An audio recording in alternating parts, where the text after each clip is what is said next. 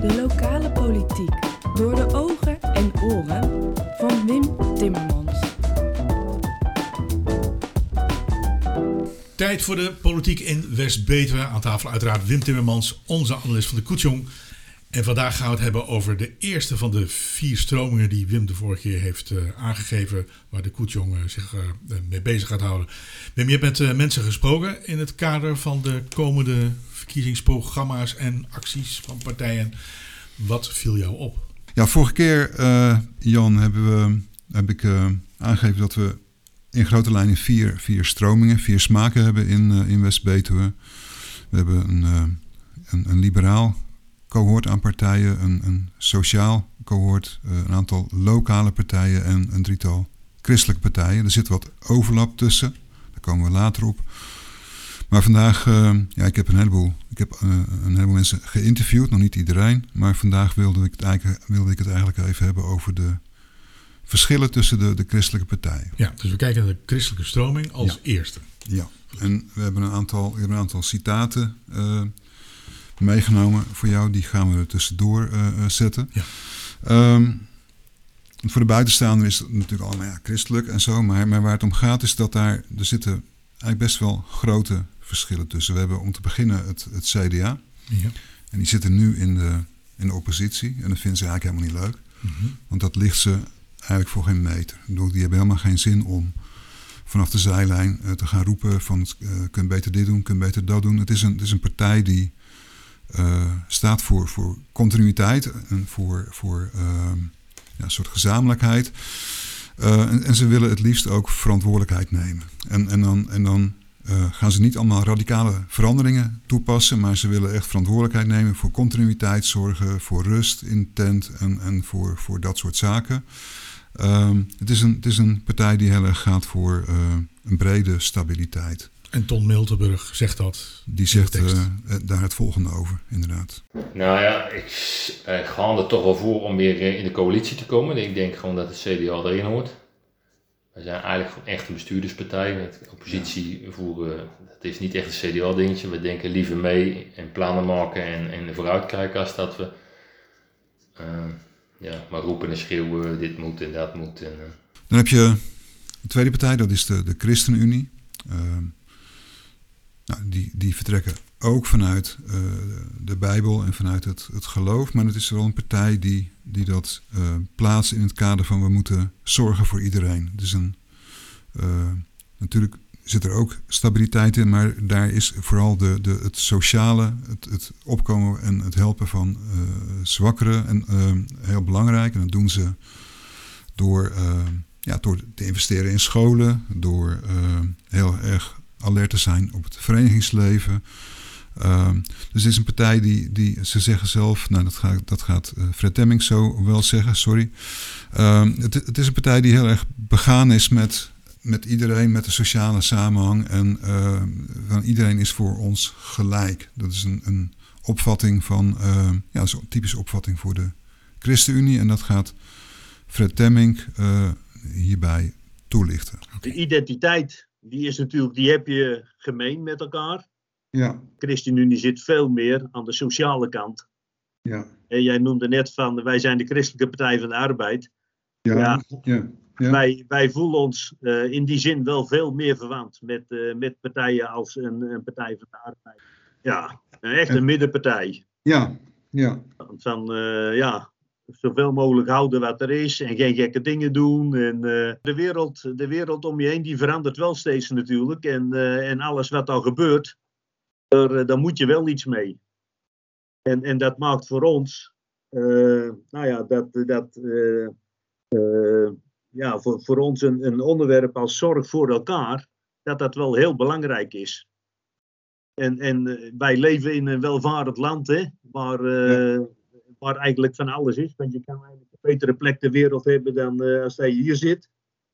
Maar, maar toch uh, ja, is, is, het ook hier nodig dat, uh, ja, dat, dat, er, dat, er, dat we omzien naar elkaar en dat er zorg is voor elkaar. Er zijn toch best heel veel mensen in uitstandssituaties. Ja. En, en dat, dat komen we straks ook steeds meer tegen, denk ik, bij, bij de energietransitie. Hè? Want Zo, ook dat ja. is een onderwerp ja, wat wij echt wel heel nadrukkelijk op de agenda willen hebben. En dan, eh, dan is een van de belangrijkste eh, zaken is ook dat wij energiearmoede eh, tegen moeten gaan. Tot zover uh, Fred Temming van de ChristenUnie. En dan hebben we nog een belangrijke speler daarin. En dat is de SGP. Ja, het is, uh, ze zijn altijd heel trots op een van de oudste partijen in, in Nederland. Uh, zijn op nationaal niveau niet zo groot, maar in West-Betuwe is het een van de twee grootste partijen. Het is een partij die, die, die zich heel erg afhankelijk van God acht. Die, zich, die ook daar getuigenis van aflegt en, en die daar ook uh, ja, heel veel vanuit dat idee praat en dat ook, ook laat, laat merken. Mm -hmm. Het is ook een partij die uh, een enorme hechte achterban heeft. Er zit een hele hechte sociale gemeenschap achter. En dat, dat, dat, dat zegt ook iets over hoe ze uh, met elkaar omgaan. algemene participatie is wat minder belangrijk, want ze zien elkaar elke week in de kerk. Ze zien elkaar elke week in allerlei verenigingen. Uh, en daarbij staat uh, ja, de getuigenis van God, zoals ze dat dan noemen, uh, centraal. Mm -hmm. Laurens van Brughem ligt dat als volgt toe. In één zin, want dat had ik hem gevraagd. Wat ik als SGP-politicus ongelooflijk belangrijk vind, is dat ik laat zien dat ik in mijn leven afhankelijk ben van de Heere God. Dat heb ik in mijn leven persoonlijk ervaren en dat laat ik doorstralen in mijn politieke handelen. Dat betekent dus dat ik nooit gericht ben op korte termijn successen. En dat geldt ook in onze economische be bejegening, nee, in onze economische visie voor onze gemeente. Dat wij absoluut niet gediend zijn om op korte termijn alleen maar leuke dingen te doen. Wij willen namelijk dat wij over 25 jaar nog steeds wegen kunnen aanleggen. Dat we nog steeds een robuuste gemeente zijn. Met goede ambtenaren, maar met goede voorzieningen. Dus geen korte termijn politiek, maar lange termijn politiek. Daarnaast willen wij er zijn voor iedereen. En dat betekent dus dat mensen zeg maar, in het sociale domein die het wat lastiger hebben, heel graag willen helpen. Maar alleen maar gericht helpend op een manier dat zij weer gefocust worden op zelfstandigheid. Zodat zij ook weer mee kunnen draaien in onze samenleving. Wat is nou voor jou het meest in het oog springende tussen deze drie partijen? Wat, wat is je opgevallen in deze gesprekken met deze mensen? Je hebt, je hebt aan de ene kant. Uh,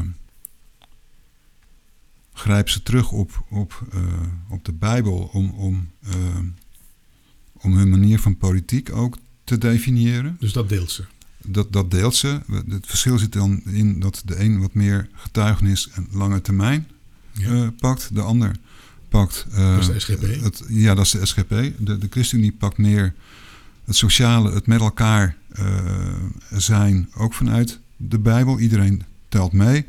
En het CDA zegt van, wij, wij, wij zijn een christelijke partij die vooral stabiliteit en, en continuïteit nastreeft. En ze hebben natuurlijk allemaal dat rentmeesterschap, maar wel in die drie kaders. Ja.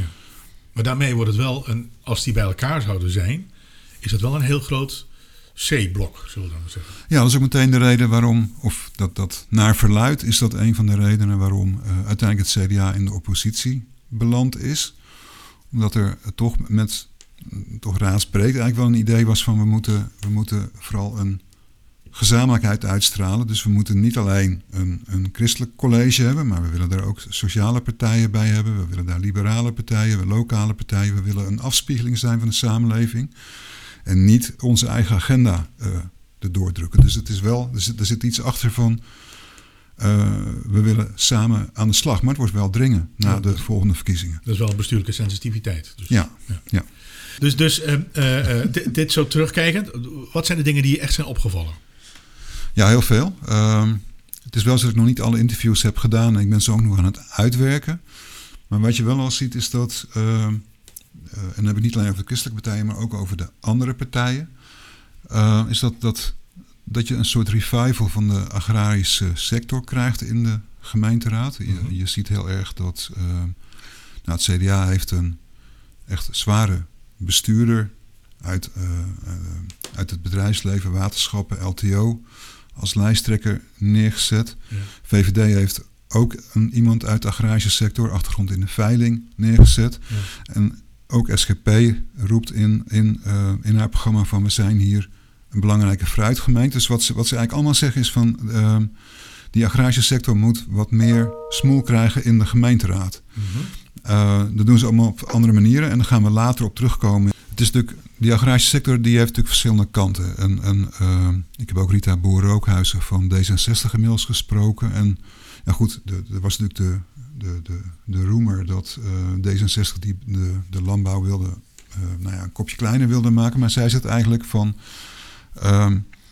de, er moet minder vee komen. Maar de boeren moeten wel betere prijzen krijgen voor betere producten. En wat ze eigenlijk allemaal op hun eigen manier, en dat is een hele interessante discussie, gaat, gaat het worden, zeggen is van die, die agrarische sector die wordt nu die moet nu steeds reageren op wat er gebeurt. Dan is er weer stikstof en dan is er weer dit en dan is er weer dat. Ja. En eigenlijk zeggen ze allemaal uh, van je zou eigenlijk een, een, op, een, een, boer denkt in principe op een lange termijn. En, en Miltenburg zegt er ook letterlijk op een gegeven moment van als boer wil je 30, 40 jaar in een bedrijf investeren en het dan als een gezond bedrijf overdragen aan je opvolgers. Uh, en eigenlijk zegt hij dus ook van ik wil het is normaal om te investeren, maar ik wil niet dit jaar investeren in stikstof, volgend jaar investeren in mest, want dan is het veel te ad hoc. Ik wil een soort continuïteit en dat zegt Rita Boer-Rookhuis eigenlijk ook.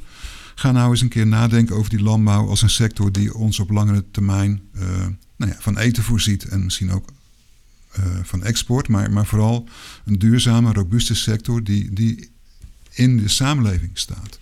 Nou. En daar hebben ze wel allemaal een andere mening over. Maar dat debat zou eens een keer moeten worden gevoerd. Niet alleen hier, maar vooral landelijk. Ja.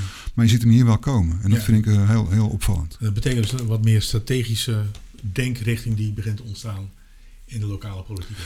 Ja, en wat je dan wel ziet is dat uh, er is geen enkele gemeente die een ambtenaar landbouwbeleid heeft. Bijvoorbeeld het beleid wordt gemaakt door Den Haag. Maar, maar je kunt hier met elkaar natuurlijk wel uh, over in gesprek en kijken hoe je uh, zeg maar, je lokale problemen niet vanuit het ad hoc van vandaag en morgen of vanuit leuke dingen doet of vanuit populisme, maar vanuit een gedegen visie over lange termijn uh, beleid voor die landbouw. Vanuit verschillende invalshoeken. En dat is alleen maar mooi. Ja, proberen in die 30 of 40 jaar dat je werkt de financiering af te krijgen en dan gaat het over naar de volgende generatie en dan gaat hij de volgende stappen zetten. Ja. Dat was één ding wat je is opgevallen. Is er tot slot nog iets opgevallen? Ja, nou, er zijn natuurlijk heel veel dingen opgevallen. Ik bedoel, ik heb ook je ziet ook enorme verschillen in hoe mensen denken over, hoe partijen denken over participatie, over energie en, en noem maar op. Ik wou nu één ding uitpakken en dat is een, een oude bekende. Daar hebben we het al twintig jaar over, of misschien wel langer. Dat is die Lingenbrug, die tweede Lingenbrug. Ja. Je ziet toch een aantal partijen uh, die nog steeds uh, eigenlijk zitten op het, op het verhaal van... we hebben een, in Geldermalsen, dus in de kern Geldermalsen... zou een tweede Lingenbrug moeten komen. En dat gaat dan toch ook om doorgaand verkeer vanaf de snelweg richting, richting Culemborg. Uh, en dat is, dat is eigenlijk uh, Verenigd West-Betuwe benadrukt dat continu. En ook de SGP zegt het eigenlijk. Die, die willen dat graag. Die willen dat altijd graag. Ja. Maar die pleiten ook heel erg voor een, voor, voor een goede randwegenstructuur. Die, die, die zeggen eigenlijk je moet, je moet met name in die kern, Geldermalsen, Meteren, wat heb je nog meer, Tricht, Buurmalsen, zeg maar, daar moet een beetje een, een een, een heldere verkeersstructuur komen, zodat je niet overal sluipt door, kruipt door, door het winkelend publiek of wat dan ook. En daar kun je van alles over zeggen, ga ik nou niet doen. Hmm. Maar zodat je, die, zodat je daar uh, een, een heldere, ja, zeg maar, hoofdwegen, provinciale wegenstructuur hebt. De discussie is dan uiteindelijk volgens mij ook van is dat een provinciale of een lokale brug en gaan wij dat als West-Betuwe maken of moet de provincie dat doen, maar dan borduur ik al, loop ik al vooruit op discussie die nog okay. komen. Het gaat erom dat er een aantal partijen zijn die daar heel erg voor pleiten. We gaan uitkijken naar het volgende blok, de volgende stroming die we gaan behandelen in de uh, uh, Koetjong podcast. Um, tot voor nu eventjes Wim, hartstikke bedankt. Graag gedaan, Jan.